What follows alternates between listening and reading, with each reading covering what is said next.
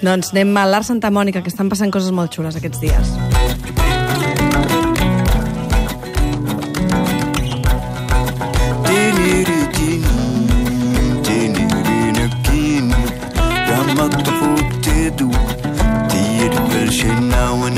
A l'Art Santa Mònica han començat l'any combatius. El 20 de gener van estrenar el cicle 13 enmig del concert, de la distància correcta a la proximitat, que mostra la feina de sis artistes que utilitzen l'art com a arma política, o si més no, que volen que a través de les seves creacions reflexionem sobre problemes de la nostra societat.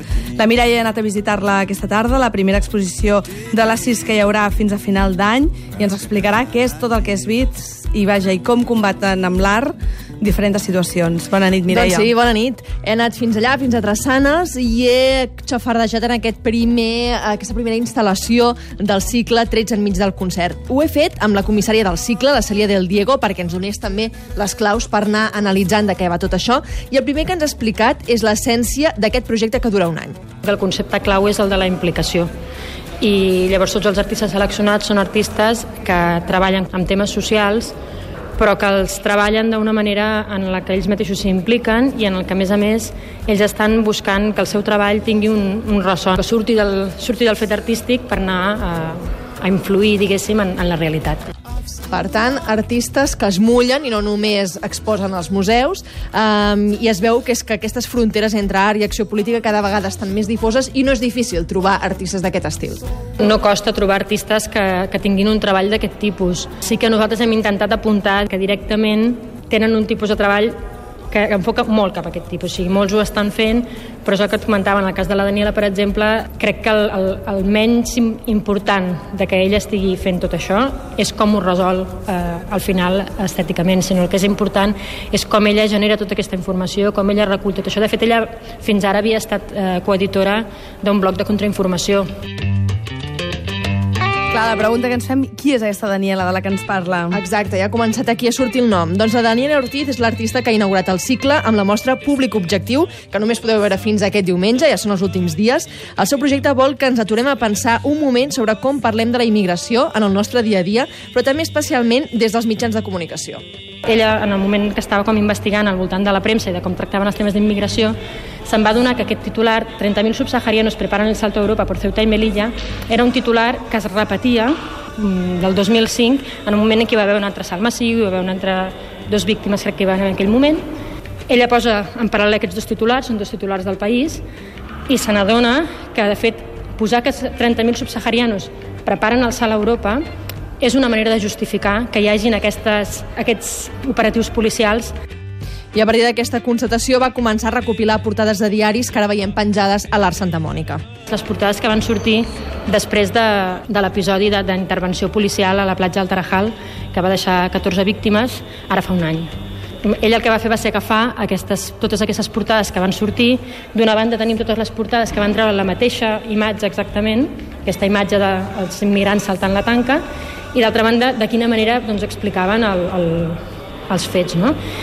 I en aquests fets sempre veiem doncs, que és molt important quants immigrants estan intentant saltar, no quan salten, quants estan intentant saltar, eh, que són una amenaça, que aquest tipus de, de missatges, no?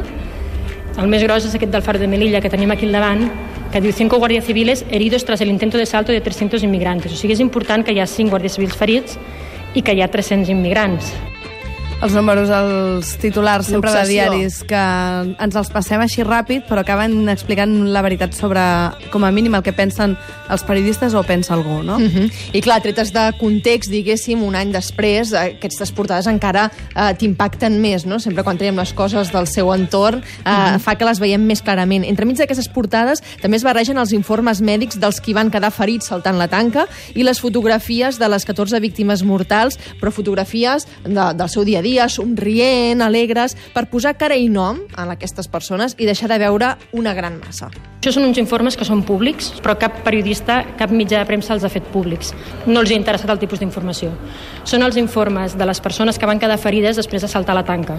Que veiem el tipus de ferida que li va fer la tanca i veiem que va patir víctima de una agresión el 6 de febrero del 2014. Per tant, de cop es fa molt més evident que aquestes persones són persones, han patit una agressió i que, a més a més, n'han sortit damnificades. No? Home, parlat i explicat així em recorda molt a, la, a Barcelona morta, eh? Vull dir... Ciutat que- morta. Ciutat morta. Uh -huh. És a dir, que cadascú posa allò l'èmfasi i, i el foc, el foco on, on vol, no? Exacte, i si encara no ens hem avergonyit, diguéssim, veient aquestes dades, eh, la Daniela Ortiz afegeix un nou cop d'efecte a l'exposició, que és que ha agafat articles de premsa del dia a dia, que podem trobar sempre al quiosc, i els ha modificat perquè el públic s'emporti, diguéssim, una bufetada de realitat.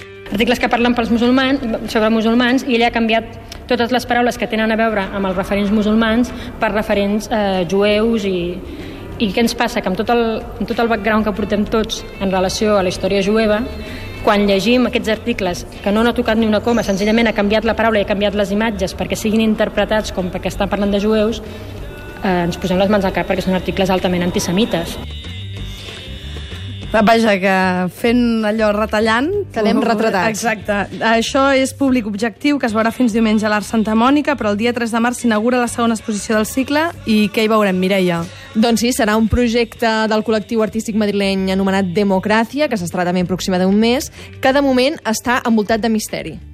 I clar, la curiositat de- d'això és que el, els immigrants els hi feien preguntes que ells segurament no s'havien plantejat, de fet ells ho deien així també, no? Llavors s'havien d'enfrontar preguntes del tipus eh, com és que els nostres nens no els pixeleu, que no tenen tants drets com els nens d'aquí, o com és que quan busqueu un expert en migració mai és un migrant, no? sempre és algú europeu.